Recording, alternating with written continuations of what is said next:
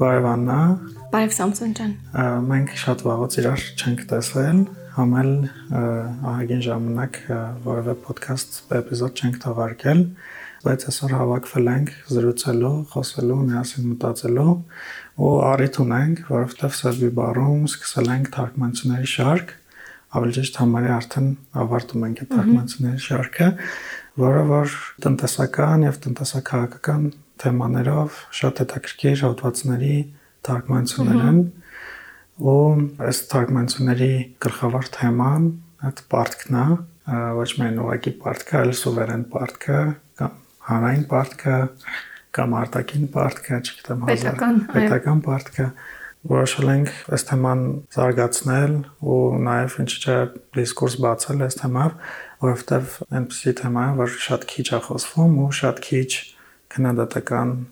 հայացքա քննադատական տեսանկյունը շատ քիչ է նույնիսկ տնտեսագետների կողմից չնայած այնպեսի թեմա է որ ազդում է մեր բոլորիս կյանքի վրա ինչի պետքա խոսել արտաքին պարտքի մասին ու ինչի հենց հիմա պետքա խոսել արտաքին պարտքի մասին որովհետև ուղղակիորեն մեր կյանքի ու մեր կենսակերպի հետ է դա առնչվում շատ կարևոր դիտարկում ես անում եւ միասին քննարկել ենք դիսկուրսը փոխելու անհրաժեշտության հարցը եւ փաստորեն ստացվում է որ ոչ միայն մենք հայերեն լեզվով այս խոսակցությունները տանելով ենք դիսկուրսը փոխում, այլ նաեւ մենք օգտվում ենք այնպիսի նյութերից, որոնք հստակորեն ասում են մենք կարիք ունենք գլոբալ մակարդակում եւ մասնավորապես նոր դասական, նոր ազատական նեոլիբերալ, այսինքն գաղափարաբանական դիսկուրսից դուրս գալ, որովհետև դա ինքնին ծուղակ է եւ փորձենք տնտեսագիտական եւ քաղաքատնտեսական այս հարցերը դիտարկել դրանցից դուրս եւ իմիջայլոց այդ տնտեսագիտական հիմնական ոնց որ mainstream կոչվող, հա, այսինքն լայնատարած մոտեցումներ են, որ մարդիկ եւ սուբյեկտները ընդհանրապես տվյալ դեպքում պետությունները ազատ են, ազատ սուբյեկտներ են, ազատ կամավոր հիմունքներով ինչ որ պայմանավորվածությունների են գալիս։ Օրինակ, պայմանավորվում են մեկը պարտք է տալիս, փող է տալիս, մյուսը վերցնում է, պայմանավորվում են ինչ նպատակներով կամ միգուցե նպատակներն էլ չեն պայմանավորվում, պայմանների շուրջ են պայմանավորվում։ Եվ մեր նյութերը, որոնք մենք թարգմանում ենք, ասում են, որ բնավ ազատ այդպիսի հնարավորությունների դաշտը չի։ Ուրեմն միջազգային հարաբերությունները, միջազգային ֆինանսական հարաբերությունները պայմանավորված են որոշակի կարգավորիչ դաշտով։ Եվ այդ կարգավորիչ դաշտը ըստ էության հիմնականում ինքն էլ պայմանավորում է հարաբերությունների բնույթը եւ այդ հարաբերությունները միշտ անհավասար են հոգուտ այսպես կոչված հյուսիսի երկրների գլոբալ հյուսիսի որոնք զարգացած կապիտալ ունեցող երկրներն են ի վնաս գլոբալ հարավի երկրների եւ ժողովուրդների, որոնք զարգացող նախկինում գաղութացված, այսինքն գաղութ հանդիսացող ներկայում էլի գաղութային կամ նոր գաղութային կախվածության մեջ գտնվող երկրներն են։ Եվ ուրեմն դիսկուրսը փոխելը շատ կարևոր է եւ այդ քննադատական հայացքից նայելը եւ տեխնոկրատների լեզուն չօգտագործելը կամ միգուցե նաեւ շրջանցելը շատ կարեւոր եւ կարելի ասել ռադիկալ քայլ է։ Եվ մենք այդ ռադիկալ քայլը անում ենք այս եւ թարգմանությունները անելով իբրև այդպիսի լեզու այդպիսի տեքստեր ենք թարգմանում եւ նաեւ մենք հենց հիմա խոսում ենք եւ շարունակենք արծարծել այնպիսի դիտանկյունից, որը հենց Հայաստանում չի արվում։ Ժամանակին օրինակ 16 թվականի մի հետազոտության հիման վրա, որը արել էր տնտեսագետ Արտակ Քյուրմյանը, այն ժամանակ մեր բյուջեի 10%-ն էր կազմում եւ 16-ից մինչեւ հիմա ահռելի մեծ փոփոխություն է տեղի ունեցել եւ ասվում է, որ Հայաստան ուղակի թռիչքային աճով է մեծացրել արտաքին պարտքի չափերը եւ բնականաբար դրանք արդեն գալիս են կարճ անմիջապես վարկի մարման ժամկետներով, այլևս մենք չունենք այդպիսի արտոնյալ պայմաններ եւ շատ վատ տեսակի վարկեր ենք վերցնում, դրա մասին հիմա կխոսենք։ Դիսկուրսը շատ կարևոր է, շատ մերսի որ դրա մասին հարցրիր։ Համել ես օրինակ չգիտեմ Հայաստանում այնպեսի մարդ, ով պարտք չունենա։ Այսինքն պարտք ասելով նկատի ունեմ ոչ միայն մեկը մյուսին, ասենք անձնական ինչ որ պարտքեր մեկը մյուսից գումարա վերցրել, հետո պիտի դա էլ բանկերին, ասենք տարբեր վարկերի պարտքեր, որ վարկ պետքա փակես, հիմա ինձ թվում է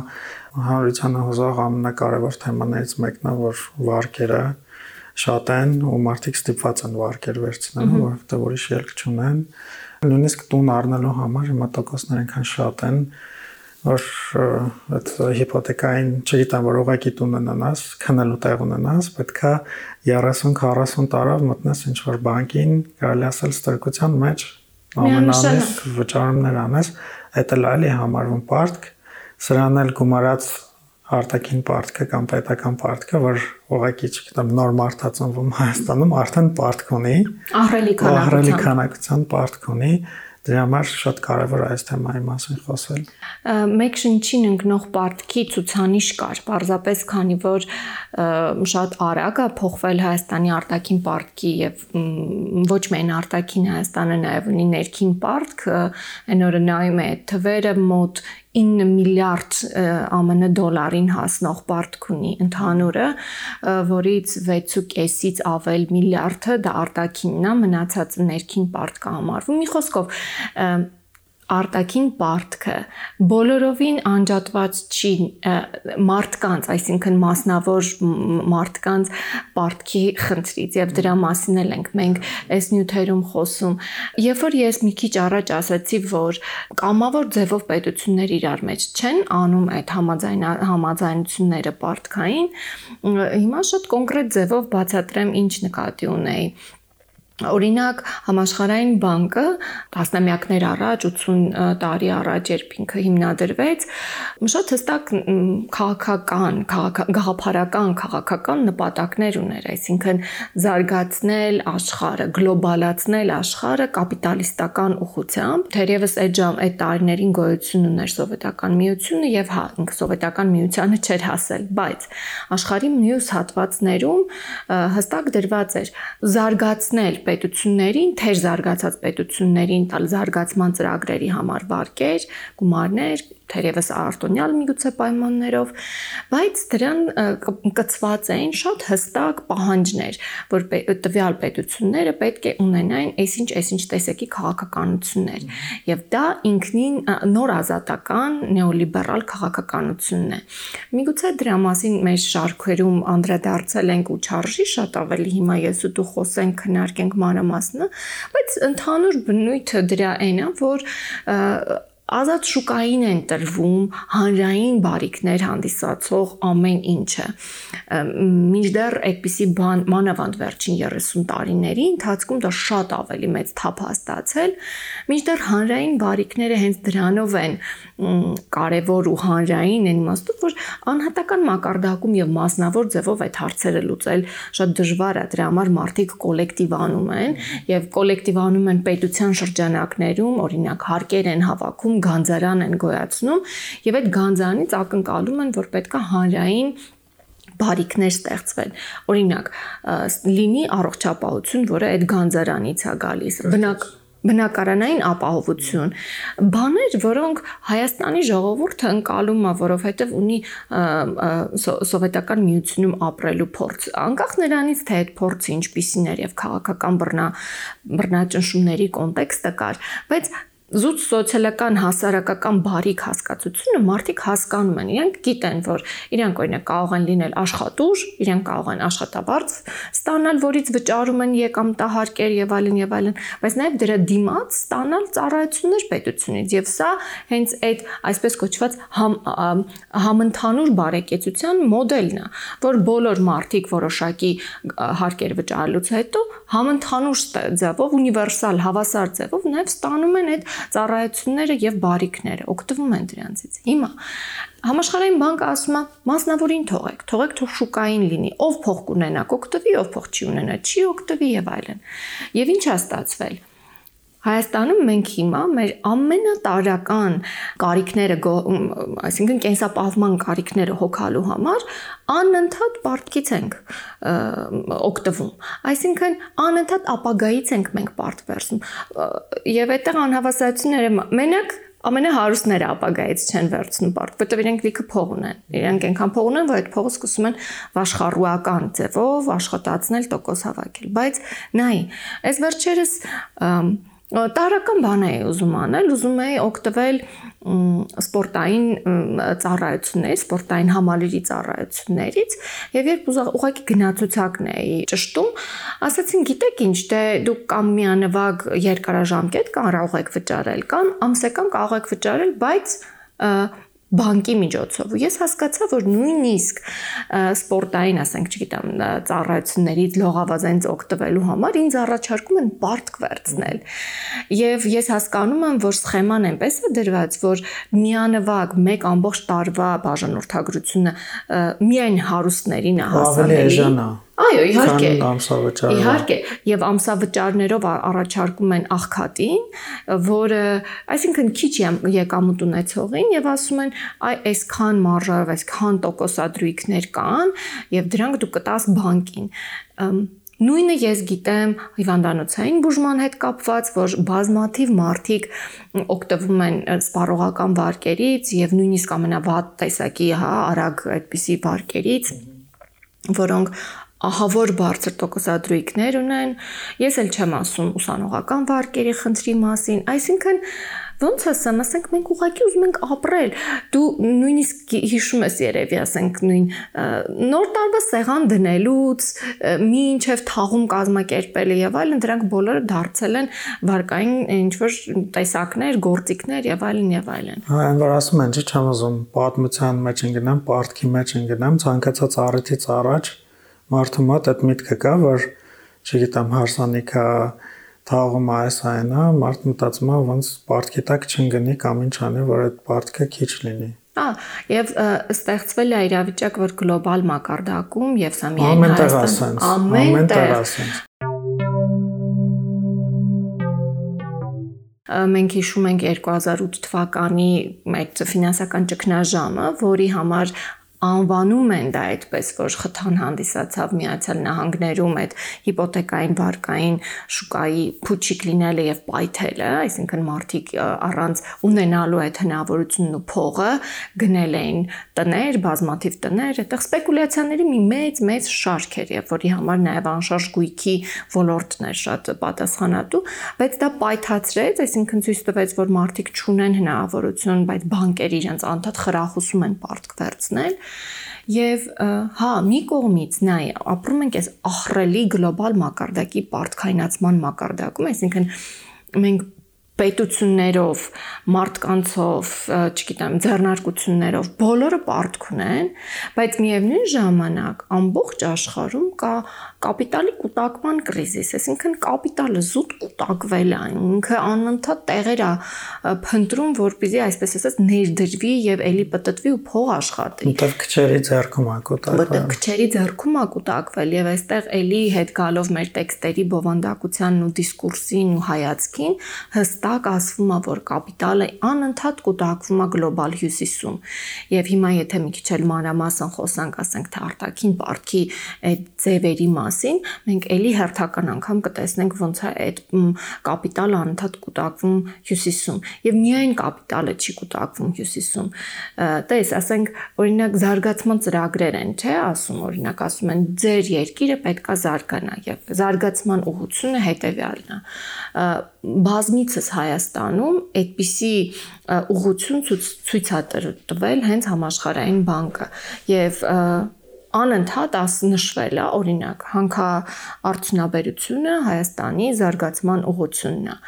հիմա մենք Հայաստանի բնակիչներս հանքարդյունաբերությունը տեսնում ենք որպես անեծք։ Սա իսկական չարիք է մեր մեր մեր բնակիչների համար, այն մարդկանց համար, ովքեր Ա չարքաշ աշխատանք են անում, հիվանդանում են հանքերում, Բ ապրում են այդ հանքերի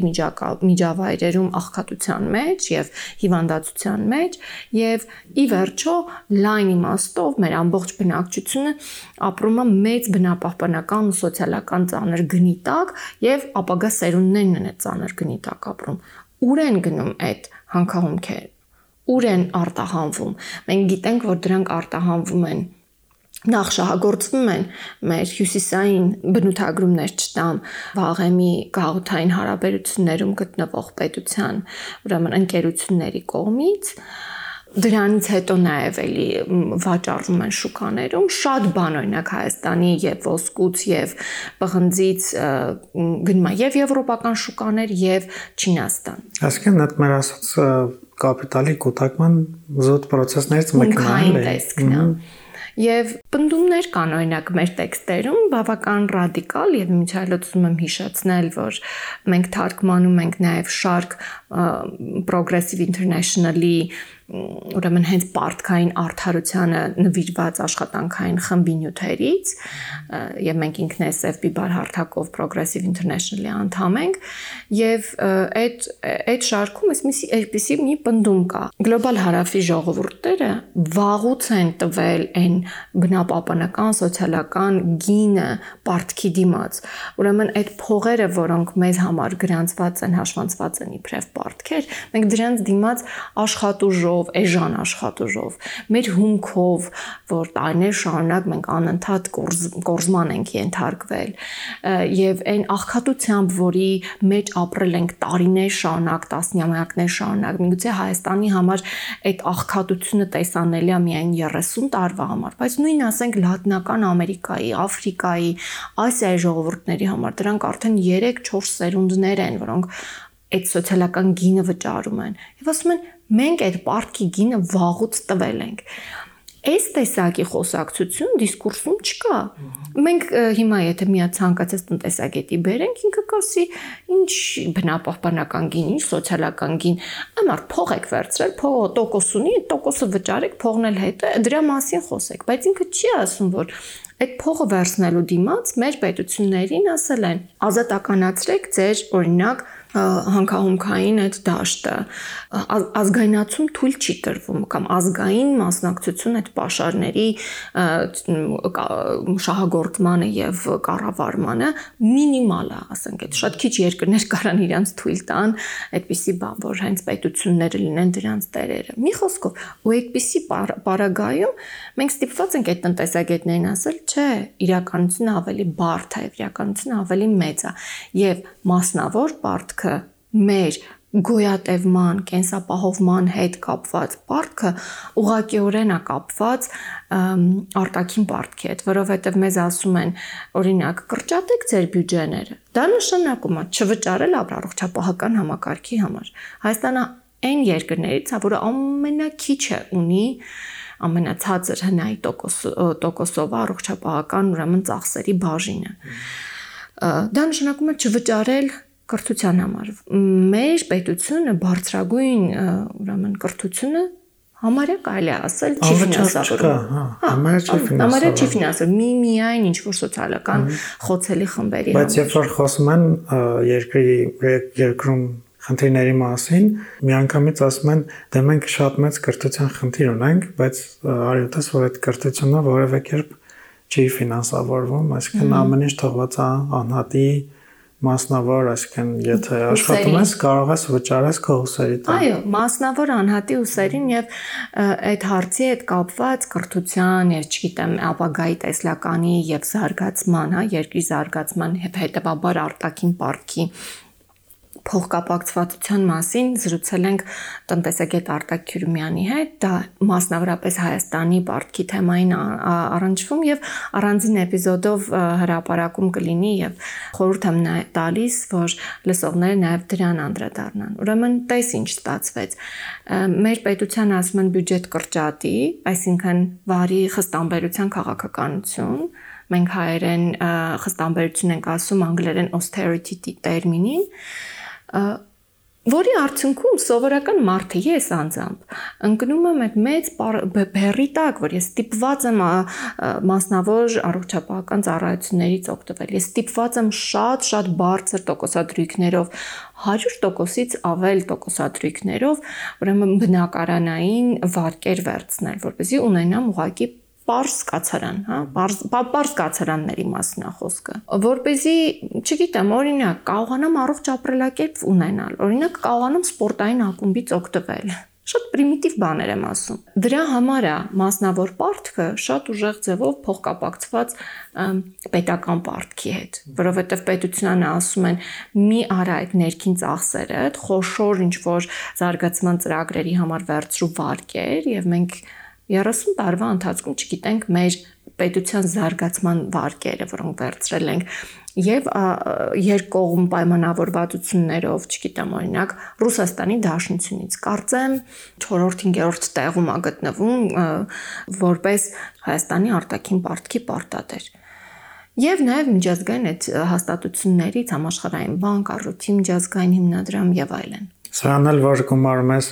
կոռուպցիան, որին որ այդքան շատ չեն անդառնա, բայց ոնց որ շատ པարզ երևույթ է, որ էլի այդ վարկով վերցած միջոցները տարիներ շարունակ գնացել են կոնկրետ քաղաքական անհատների գրպանները, այդ են գումարում նաև այս վերջի մի քանի տարվա, նո վերջի երկու տարվա ընթացքում գումարում են շատ մեծ առողջապահական COVID-ով պայմանավորված մեծ ճգնաժամ, որ չգիտեմ սկզբից ասում էին COVID-ը տենց բանա լինելու մեծ հավասարեցնող ինչ որ դեր է կատարելու, որ հասարակությունը հավասարվելու է COVID-ի արժև, բայց մի քանի ամիս անց տեսանք, որ ընդհանրապես այտենց չի ու հակառակը երկրները հավասար չեն, ինչպես հարուստ երկրները։ Ու այս անհավասարությունը քանի գնալով խորանում է բայց գլոբալ մակարդակում այնպես չի, որ սրա մասին չի խոսվում, հենց նույն պետությունների կողմից էլ։ Կուզեմ մի քիչ դրա մասին էլ խոսենք, որովհետև մենք այստեղ Հայաստանում sense մեզ մի քիչ թվում է, թե անելանելի իրավիճակում ենք, ոչ մի բան տեղի չունենում, բայց իրականում շատ բաներ են տեղ ունենում, շատ լավ եւ մասնագետներ եւ տարբեր շարժումներ եւ հենց պետություններն էլ կամած կամած սկսում են հասկանալ հենց հարավի պետությունների մասին է խոսքը սկսում են հասկանալ, որ ինչ որ բան պետքա փոխվի այս գլոբալ ճնշող տնտեսական համակարգում ու պետքա որ փոփոխություններ արվին կոզա մի քիչ այդ շարժումների, այդ փոփոխության համար պայքարների մասին էլ խոսանք Հա, անպայման։ Ուղղակի մի ուղղակի թվային ցուցանիշ բերեմ, որ քո ասածը հաստատեմ այն իմաստով, որ անհավասարությունը ահռելի է եւ մանավանդ կ ូវ իդով պայմանավորված իրավիճակը դա շատ ցուն դարձրեց։ Ասենք 20 թվականի դրությամբ միայն 20 թվականի վերջի դրությամբ, երբ արդեն պետքա 21 թվականը բյուջեն նախատեսվեր, աֆրիկյան պետությունները մտածել էին, որ կարող են իրենց բյուջեների 2.6%-ը նախատեսել հենց առողջապահական համակարգի եւ կ ូវ իդի համար։ Ինչա՞ լուծ ասեմ Հայաստանը միշտ դրանից ավելի ցածր է ունեցել։ Ոչ կ ូវ իդի պատճառով, ընդհանրապես։ Իսկ այդ նույն հարուստ երկրները միայն այդ 20 թվականի վերջին, որը պիտի 21-ի համար բյուջե նախատեսեր, միջինը կոնկրետ մեծ 20-յակի երկրները G20 11%-ից ավելին էին իրենց առողջապահական համակարգի համար նախատեսել հնայի։ Այդ ահռելի է։ Եվ նույնիսկ հիմա այս պայդրությամբ բազմաթիվ երկրներ, աֆրիկյան երկրները, ես նույնիսկ կարող եմ ասել հենց նույնիսկ հենց Հայաստանը այլևս չեն կարողանում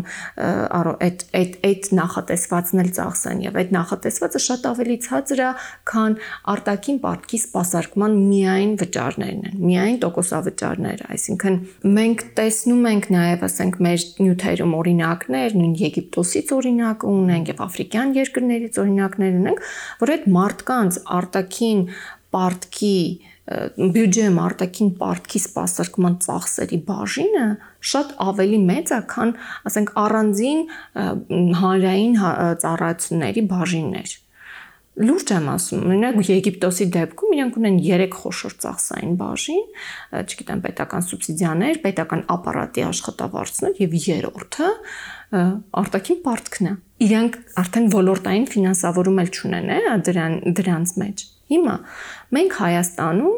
այս տարվա սկզբին ահռելի քանակությամբ շատ թանկ պարտք ուրեմն վերցրեցինք։ Դրանք եվրոպարտատոմսերն են եւ հանրային ինֆորմացիան դրա հետ կապված քիչ է այն իմաստով թե կոնկրետ որ ուղղությամբ են դրանք օգտագործվելու։ Ես համենայն դեպս տեսա որ 200 քանի 270 քանի միլիոնի մասն է խոսքը պահուստային ֆոնդն են իրանք բան անելու եւ ես Ուղղակի պետք է ենթադրություններ անեմ։ Քանի որ կ ូវ իդի ժամանակ պաուստային ֆոնդից է շատ բաներ ծախսվում, ես կարող եմ միայն ենթադրություն անել, որ մենք պարտք ենք վերցրել, որ կ ូវ իդի հետ կապված մեր ծախսերը կարողանանք հոգալ եւ այսօրվա դրությամբ արդեն տարվա վերջին երամսյակի մեջ ենք տարվա վերջին երամսյակի դրությամբ պոլիկլինիկաները ճունեն այլևս ֆինանսավորում այսինքն 3 ամիս առաջնային բուժօգնությունը որը Հայաստան պիտի որ անվճար լիներ այլևս հասանելի չի պետությունը փող չունի Հիմա կամ նորից պիտի պարտք վերցնենք, հասկանում ես օրինակներս ինչի համար են։ Մենք երրորդ երամսյակում փող չունենք պոլիկլինիկաների համար, բայց մեր համակարգը արտաքին պարտքի հետ կապված թույլ չի տալիս որևէ ամիս, որևէ տարի նույնիսկ չվճարել։ Մենք պետք է անպայման եւ տոկոսները վճարենք եւ մայր գումարները վճարենք։ Վերադառնալով քո այդ հարցին, թե համաշխարհային մակարդակով ինչ քննարկումներ կան, հենց այսօր ՄԱԿ-ում տեղի ունենում բոլոր երկրների պետությունների այդ հավաքը գլխավոր ասամբլեայի գագաթաժողովն է տարեկան եւ այդ գագաթաժողովի շրջանակներում պետությունները բարձրաձայնում են եւ աղաղակում են նույնիսկ կարելի ասել արտաքին պարտքի հետ կապված խնդիրներից ես կարող եմ մի քանի օրինակներ բերել թե օրինակ որ պետությունները հիմնականում ինչեր են ասում բազմաթիվ երկրներ օրինակ ասում են որ արտաքին պարտքը այլևս անտանելի է որպես բեռ եւ ներկայիս համակարգերը, մեխանիզմները արտաքին պարտքի վերակազմավորման, այնտեղ կարելի է բառերը տարբեր ասել, default կլինի, վերակազմավորում, այսինքն restructuring կլինի, թե պարտքի թեթևացումի խոսքով տարբեր բառեր, տարբեր բաներ են նշանակում, բայց կոչ են անում, որ մեխանիզմները համընդհանուր լինեն, ունիվերսալ ձևով ընդունվեն եւ ընդունելի լինեն հենց պարտապան երկրների կողմից։ Այդ երկրներից, որոնք այդ կոչերն արել են ՄԱԿ-ում, ասենք Արգենտինային կարելի ասել, Կոլումբիային, այսինքն բազմաթիվ երկրներ Լատինական Ամերիկայի երկրներից, Աֆրիկայից, կղզի հանդիսացող պետություններ բարձրաձայնում են այն խնդրի մասին, որ կլիմայի փոփոխությունը լրիվ նոր իրավիճակ է ստեղծել պետությունների առաջնահերթությունների համար եւ այդ պետությունները, կղզի պետությունները օվկիանոսներում գտնվող, իրանք ուղակի ոչնչացման եզրին են, եթե այս տեմպերով կլիման շարունակի փոխվել եւ օվկիանոսի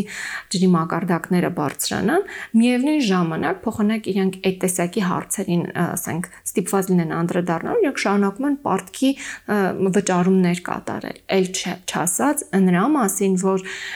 կոնկրետ այս տարվա մակի այդ գագաթաժողովում բարձրաձայնում են հենց այդ հարցը, որ կլիմայի փոփոխությունը առաջնային է եւ դրա համար անհրաժեշտ է գլոբալ բավականին մեծ պարտքի թեթևացման, պարտքի չեղարկման կամ ներելու մեծ process բայց մենք այդ մեծ process-ներին կարծես թե տեսնում ենք, որ հարուստ երկրները պատրաստ չեն, ինստիտուցիաները պատրաստ չեն, ֆինանսական հաստատությունները եւ ամենամեծ դերը արդեն էս վերջին, գիտես ոնց հենց ֆինանսական ճգնաժամից հետո եղավ դա այս վերջին 15 տարիների ընթացքում շատ մեծ դեր ա վերցրել հենց ֆինանսական շուկան, կապիտալի շուկան, որովհետև այդ ժամանակ 8-9 թվականից հետո եւ դա Հայաստանի օրինակով էլ այրևում համաշխարհային բանկը բան սկսեցին խրախուսել երկրներին, պետություններին ոչ թե ավանդական համարվող պարտատերերից վերցնել պետություններից, հա, ուրիշ պետություններից եւ միջազգային այդ ֆինանսական հաստատություններից, այլ առևտրային բանկերից եւ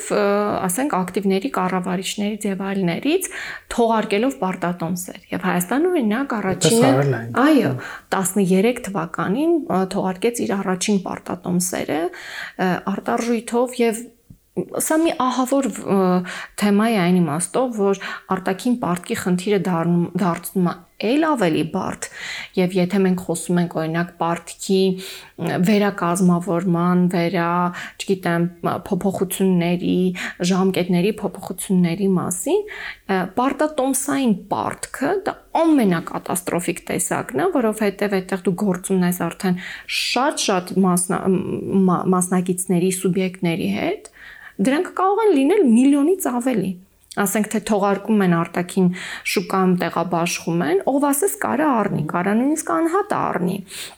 Եվ հետո այդ բոլորի հետ պետք է պայմանավորվել, համակարգել իրենց եւ այլն եւ այլն, եւ դա ահավոր process է լինում։ Այս իրավիճակը միջազգային այդ դրությունը փոխելու լուրջ ուրեմն շարժումներ կան եւ լուրջ ձայներ կան մի շարժումը կոչվում է հոբե պարտքի հոբելյան։ Իմիջայլոց հոբելյան բարի ուրեմն jubilee եբրայերեն ցակումով բառ է այդ հոբելյան պարտքի անվան հետ կապված ստիպված եղա նայել հոբելյան բառի ցակումնաբանությունը եւ ստուգաբանությունը Գիտես դու։ Ուրեմն Աստվածաշնչում նույնիսկ հին կտակարանում դրա մասին կա հրեական ավանդույթ է եղել, կարծեմ Մովսեսի հրահանգով, հա, պատվերով, որ ամեն 50 տարի հայտարարվի հոբելյան տարի։ Դա անվանում է եղել այդ տարվա 50 50-րդ տարին հոբելյանական տարվա ժամանակ տեղի էր ունենում ամեն տեսակի խնդիրների ոնց որ ներում, պարտքի ներում, կալվածատերերը, օրինակ եթե իրանք ունեին ստրուկներ, ստրուկներին ազատում էին եւ հողը սկսում էր այդ պահից սկսած հողը բաժանվում էր, վերաբաժանվում էր։ Հոբելյանը դա այդ 50-րդ տարին է, որ նշանակում է պարտքերի ներման, մարդկանց ազատագրման, ստրուկների ազատագրման տարի։ Եվ շատ, հա, խորհրդանշական խորհրդանշական է իսկապես։ Անվանումով այդ շարժումը կա շատ տարբեր երկրներում, ուրեմն այդ ցանցի մասնակիցներ կան, օրինակ կա Jubilee USA, կա Jubilee Germany, չգիտեմ, UK եւ այլն, այլ Եվ մենք օրինակ Զեփի բարով ստանում ենք այդ ցանցի ուրեմն տարբեր տեսակի նյութերից, նամակագրություններից եւ այլնից, այսինքն բավականին ակտիվ ուրեմն իրենք գործունեություն են վարում հենց մասնավորապես այդ միջազգային կարգը փոխելու համար։ Այսինքն արտաքին պարտքի հետ կապված խնդիրները, որպեսզի պետությունները կարողանան մի քիչ գոնե ավելի արդար պայմաններով լուծման տանել, որովհետեւ sense տենես բոլորն ընդունում են, որ խնդիրը կա Մենք անընդհատ ճգնաժամերի նոր-նոր ալիքների առաջ ենք կանգնում նույնիսկ այդ նույն ասենք գերիշխող դեր ունեցող համաշխարհային բանկը կամ արժույթի միջազգային հիմնադրամը իրենք ընդունում են որ այդ ալիքների առաջ անընդհատ կանգնում ենք բայց սխեմաները որոնց շրջանակներում պետք է այդ հարցերը լուծվեն այդ սխեմաներն են մնում անարդար այդ սխեմաները կարգավորված չեն իրավական օրինակ միջազգային իրավունքի տեսք չունեն Եվ մեր նյութերից նշեցի, որ Progressive International-ը ունի այդ աշխատանքային խումբը եւ իրենք էլ շարժում են ուրեմն վարում կա օրինակ եվրոպական մեծ ցանց Eurodad է կոչվում European Debt and Development Network, այսինքն պարտքի եւ զարգացման եվրոպական ցանց եւ այս ցանցի անդամ կազմակերպությունները հստակ շատ իհարկե մեծ նյութեր, մեծ քանակությամբ նյութեր ունեն եւ վերլուծական նյութեր ունեն եւ հրճակագրային նյութեր ունեն, այսինքն իրենք պահանջներ են ներկայացնում եւ նաեւ ասենք, չգիտեմ, տարբեր տեսակի եւ տնտեսական ֆորումներին են իրենք գնում, անդադե ձայնը հնչեցնում եւ շարժումների տեսքով փողոցային պայքարը դա կլինի տարբեր տեղեր իրենք էլ էլի բարձրաձայնում են ոչ պարզապես պարտքը Պարզապես ներելու խնդիրը, որ ասենք գլոբալ հյուսիսը պետք է ների գլոբալ հարավի պարտքը, այլ համակարգները փոխելու եւ ինստիտուցիաներ ստեղծելու, այսինքն գոյություն ունեցող վատ ինստիտուցիաները ոչ թե պարզապես բարելավելու, բարեփոխելու խնդիրներն իրանք իրանք բարձրացնում, այլ նոր միջազգային մակարդակի հավասար պայմաններով եւ համաձայնեցված բոլորի կողմից փոխհամաձայնեցված համակարգի մասին եւ առաջին հարցը իրանք դնում են որ պետքա լինի ասենք արտաքին պարտքի թեթևացման, լուծման, չգիտեմ, վիճարկման մի հատ ատյան լինի, որը անկախ կլինի պարտատերերից, անկախ մարմին կլինի եւ կունենա իր կարգավորման մեխանիզմ, օրինակ կունենա կոնվենցիա կամ միջազգային պայմանագիր կլինի, որի շրջանակներում այդ ատյանը կքննի այդ պետությունների կամ իրենց պարտատերերի վեճերը, խնդիրները։ Հարաբերությունները։ Հա, բայց այդպեսի բան հիմա չկա։ Հիմա եթե դու որևէ մեկին պարտքես կամ եթե դու կարող ես այդ սուբյեկտի հետ լինի դա պետություն ուրիշ թե նույն համաշխարհային բանկը փորձես երկկողմանի բանակցություններով վարել, կամ տվյալ դեպքում եթե համաշխարհային բանկն է, մի ֆորում գոյություն ունի, Փարիզի ակումբ է կոչվում, տանել այդ Փարիզի ակումբ ֆորումը եւ այդ ֆորումում հիմնականում էլի պարտատերեր են, այսինքն խոշոր խոշոր խոշոր ինստիտուցիաներ են, նույն IMF-ն է եւ այլն եւ այլն, որոնք իրանք համ արբիտրար են, այսինքն համ այդ իրավարարն են, դատավորն են, համ, բայց միևնույն ժամանակ շահագրգիռ Հա, շահագրգիռ կողմ են ու ոնց որ լրիվ անհավասար իրավիճակա։ Եվ որպես կանոն իրենք միտում ունեն անընդհատ պետություններին բան անելու, անվանարկելու, ասելու դե դուք մեղավոր եք, դուք վատ եք կառավարել, դուք, չգիտեմ, կոռուպցիա։ Մերասացներ չեք արել։ Հա, մերասացներ չեք, այլ կոռուպցիա ունեք, չգիտեմ, սխալ ձևերով եք տնտեսությունը տարել եւ այլն եւ այլն։ այլ, ես այդտեղ անդադ ասում եմ, բայց չէ, իրենք մեղավոր են այդ կոռուպցիայի մեջ, որովհետև կամ իրենք աչք են փակել դրա վրա, կամ իրենք մասնակցել են ուղղակիորեն դրան։ Ասենք Հայաստանում լիքը զարգացման ծրագրեր կան, ուղղակի փոշիացած ծրագրեր, համաշխարհային բանկի ահռելի տարիներ շարունակ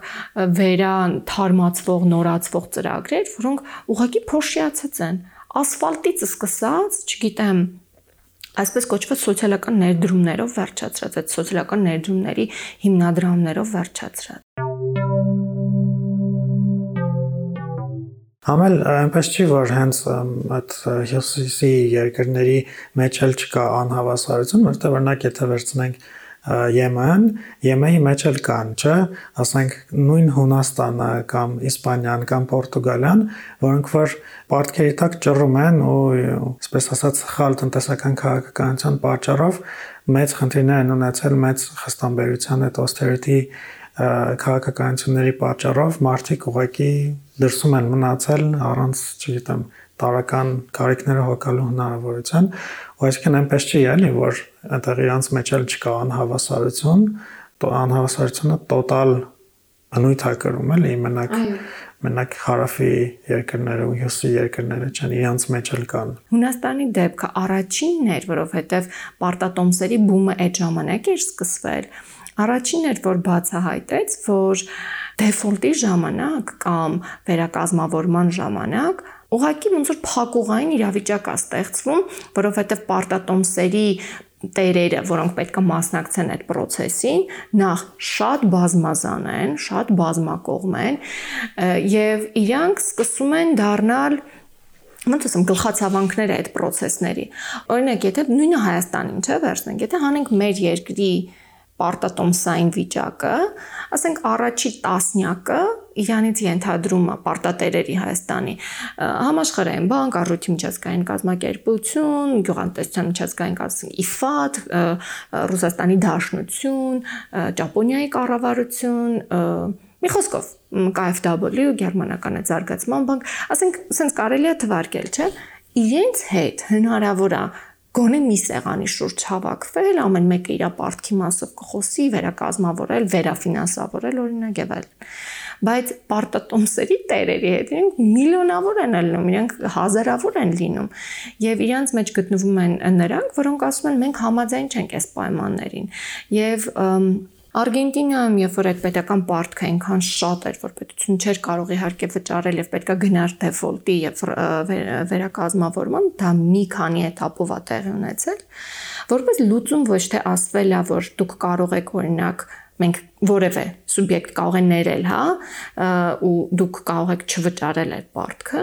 ասել են այդ եղած պարտքերը ել ավելի շատ հանեք արտաքին շուկա, ֆինանսական շուկա, այսինքն սենց է, պարտքը ապրանք է դարել, որը վաճառքի է դրվել շուկայական մակար։ Դու հասկանում ես, մենք Հայաստանում չգիտենք դրա մասին։ Շատ բարդ է ուղղակի Շատ բարդ է հասկանալ։ Սենց է, նայ մեր բանկերում կա վերաֆինանսավորման բանը օրինակ մարդիկ եղել է չէ որ վերցրել են մի բանկից վարկ հետո զգացել են որ չեն կարողանում վճարել ուրիշ բանկից են վերցրել էլի վարկ որ այս մի բանկի վարկը վճարեն կամ արդեն գոյություն ունի նաև ոնց որ հենց պաշտոնական ձևը վերաֆինանսավորումը գնում են այս բանկին են ինքը ուղիղ այն մյուս բանկին վճարում բայց իրանցից մեկը գանձում է միգուցե ավելի երկար ժամկետներով ասենք իրենք իհարկե շահույթ են ստանում ծառայությունը կա որ գնում ես քո բոլոր վարկերը իրանք ոնց որ փակում են ու դու ոնց որ պարտքես ունեմ մենակ այդ այս մի բանկին հենց այդ է նույն սխեման դրված է պետական մակարդակով արտաքին պարտքի վրա, այսինքն եթե դու չես կարողանում փակես քո օրինակ վարկը, օրինակ նույն համաշխարհային բանկին գալիս են այս մասնավոր hedge ֆոնդերը, ակտիվների կառավարիչները, ասում են դե մենք կառնենք ձեր այս պարտքը, դուք արդեն մեծ տոկոս կվճարեք, բայց այդ տոկոսը շատ ավելի բարձր է, բնականաբար իրենք շահույթ պետք է ստանան դրա դիմաց։ Հիմա ինչ եղավ Արգենտինայում, երբ որ պետքա այդ restructuring-ը գնար, մի քանի hedge ֆոնդեր ասացին մենք համաձայն չենք այս պայմաններին մենք ընդհանրապես այս process-ից հրաժարվում ենք եւ իրենք գնացին ուր Samsung դու ուղղակի չես պատկերացնի ոնց ենք մենք նույն թեմաներին գալիս իրենք գնացին միջազգային արբիտրաժ ներդրումային Պատկերացնես ներդրումային արբիտրաժ այն սարսափելի ծուղակը, որը միջազգային հարաբերություններում ստեղծված է այս պահին։ Եվ գիտես ինչ արեցին Արգենտինայի կառավարությունը։ Իրենք դատ տվեցին, շահեցին, բայց գիտես ինչ ձևի։ Պարտատոմսերի այն չափը, որ իրանք վերցրել էին, այսինքն իրանք առել էին, ոչ միայն իրանք ստացան այդ գումարը, իրանք արբիտրաժի շնորհիվ նաև ստացան այն, հա, հա, չգիտեմ, տասնյակ միգուցե տարիների չափով եկամուտը տոկոսը, որ կարող էին ստանալ։ Դու պատկերացնում ես այդ դատից մի քանի hedge fund ստացել է 1000%-ից ավել եկամտաբերություն։ 1000%-ը դու հասկանում ես ինչ թվեր է առելի։ Այդ պետությունը Արգենտինան ասում է, խնդրում եմ, վատ եմ, ես չեմ կարա այս պարտքը տամ։ Եկեք փոխենք վիճակը։ Հիմա ոչ միայն ինքը հասկանում ես ինքը ասենք ավելի շատ մեծ վնասի տակ կոպիտ ասած դրեցին կզծրեցին էլի էլ ավելի շատ կզծրեցին բայց հենց այդպիսի այսինքն կզծրեցին ամենաագրեսիվ ձևով այսպես կոչվող գիշատիչ ֆոնդերը։ Դրանք նաև կոչվում են դիակեր, ուրեմն ֆոնդեր։ Դու չես պատկերացնի, իրենք անուն ունեն այդպիսի, իրենք վերցրել են ինչ-որ կենսաբանությանը նման մի բան, ուրեմն այսպիսի մասնագիտացում ունեն այդպիսի ֆոնդերը։ Կոչվում են distressed debt funds Այսինքն իրենք հատուկ ուղված են դիստրեսի մեջ գտնվող ուրեմն բաներին, պարտքերին արտակի Ուկրաինայում նույն բանն է եղել։ Ուկրաինայում ահավոր բան է եղել Եվրոմայդանից հետո արտաքին պարտքը ուղղակի վաճառվել է այսպիսի ֆոնդերի։ Դու պատկերացնում ես, մենք շատ բան չգիտենք համաշխարհային process-ների մասին, որտեղ մեր մամուլում դրանց մասին չի խոսվում։ Եվ պարտատոմսերը նաև թողարկել եւ այդ ժամանակ Ուկրաինան պարտատոմսերը թողարկել 15 թվականին բավականին մեծ հիմա ես չգիտեմ մասնաբաժինը, համամասնությունը, բայց բավականին մեծ տոկոսը պարտատոմսերի առել է Ռուսաստանը։ Եվ մեր նյութերի քննադատությունների մեջ նաև այդ կազուսն է մեջ բերվում, ասում եմ, բայց կազուսային իրավիճակ է ստեղծվել, որովհետև խնդրեմ կար պարտատոմսերի վճարման հետ կապված, Ուկրաինան չգիտեր, ինքը հիմա պաշտոնական կառավարություն, այսինքն Ռուսաստանի Դաշնության հետ գործ ունի, թե ինքը կոմերցիոն սուբյեկտի հետ գործ ունի, որովհետև ամեն դեպքում սրանք պարտատոմս առածներն են, այսինքն Ռուսաստանը համարվում է պարտատոմս առած, ինքը ոնց որ հիմա հասկանալի չի։ Երկուսը մեկում։ Երկուսը մեկում է ու մեծ խնդրեմ է ստեղծել, որովհետև դրա հիման վրա էլ նաև խնդիրը ինչ ձևով վեճեր կլուծվի Եվ ամենասարսափելին եւ հենց Հայաստանի կոնտեքստում է դա սարսափելի, որ երբ որ մենք արդեն ունենք այսքան պարտատոմսեր, թողարկած եւ Հայաստանը շարունակաբար ուրեմն մտածա ներդրումային արբիտրաժային համաձայնագրերի մեջ, երկկողմ համաձայնագրերի մեջ ցանկացած hedge fund կամ առևտրային բանկ, որը ունի մեր պարտատոմսը, կարա տանի մեզ, մեր երկրի պետությանը արբիտրաժ ներդրումային։ Ու մենք գիտենք, որ դրանք ուղղակի ահավոր կողմնակալ արդեն բիզնեսի, հա, այսինքն ոչ պետությունների եւ ոչ հանրային շահից ելնելով ոնց ասեմ, դրանք ոնց դատարաններ էլ չեն, էլի, դրանք ուղղակի ժամանակավոր գոյություն ունեցող ստրուկտուրաներ են եւ այդ համաձայնագրի հիման վրա են գործում։ Սերդիբարը ունի շարք իմիջայլոց ներդրումային արբիտրաժների մասին եւ լուրջ քննադատական հայացքով վերլուծումը դրա լուրջ խնդիրները դու տեսնում ես հիմա այս կառուցվածքը միջազգային ոնց է նպաստում նրան, որ տարբերակ չլինի, կարծես ելք չկա։ Եվ մեր նյութերից մեկը Եվրոդատի միջայլոց զեկույցներից մեկն է, կոչվում է քաղաքացիական հասարակության կողմից ուրեմն պարտքի լուծման 10 սկզբունք, եւ այդ այդ սկզբունքները շատ կարեւոր են նաեւ դրանք ուղղակի ոնց ասեմ, իրենք կարան դառնան այս պետության համար, եթե այս կառավարությունը իրոք լրջորեն մոտենա իբրև պատասխանատվություն կրող սուբյեկտ, հա, մեր ժողովրդի արչև, այս սկզբունքները ինքը կարող է ինքը օգտագործի կամ մեր parlamento օգտագործի եւ ուղղակի բարձր ձայնի միջազգային հարթակներում, ասենք նույն մակում, հա, ինչ ինչի մասին ասես խոսեցին, բայց այդ լուրջ խնդիրների մասին, որոնց առաջ կանգնած ենք, մեր պետությունը եւ պարտքի սպասարկման խնդիր ունի եւ մեր բյուջեի խնդիր ունի, անընդհատ չենք կարա չէ պարտք վերցնելով ապրենք։ Մենք ի վերջո շատ մեծ ճգնաժամի առաջ ենք կանգնելու, երևի Լիբանանից էլ ավելի վատ վիճակում հայտնվենք։ Ու հենց դրա համար է, էլի, որ շատ կարևոր է սրա մասին խոսել, կրթվել, ինքնակրթվել, այնպես չէ, այնպես չէ, էլի, որ մենք ուղղակի տենց չգիտեմ, հա, սրա մասին համասարանում ենք սովորել կամ ֆորմալ կրթության ժամանակ ենք ստացել այս գիտելիքը կամ ինֆորմացիան, այլ ինքնուրույն փորելով, կարդալով, հասկանալով, չգիտեմ, հարցեր տալով, բայց հա օրինակ սենսա, բայց ինչի ասա հենց։ հա։ Որ ինվորն ա բերել այս իրավիճակի, այսինքն շատ կարևոր է, որ մենք որպես հասուն մարդիկ, ովքեր որ գիտակցում են իրենց խնդիրները, կարողանանք հասկանալ թե որտեղից են բխում այդ խնդիրները։ Ու երբ որ մեզ անդադ ասում են, չէ, խնդիրը դու ես, խնդիրը դու ես, ոնց որ դե հիմա սենց է, կյանքը սենց է, աշխարհը սենց է, ինչ անես։ Լիբերալ այդ հա։ մեղադրանքները։ Հա, այդ մեղադրանքներից անդին պետքա գնալ ու հասկանալ, որ իրականում այսպես սև ու սպիտակ չէ, այնտեղ լիքը երանգներ կան, որոնք որ շատ կարևոր դեր ունեն։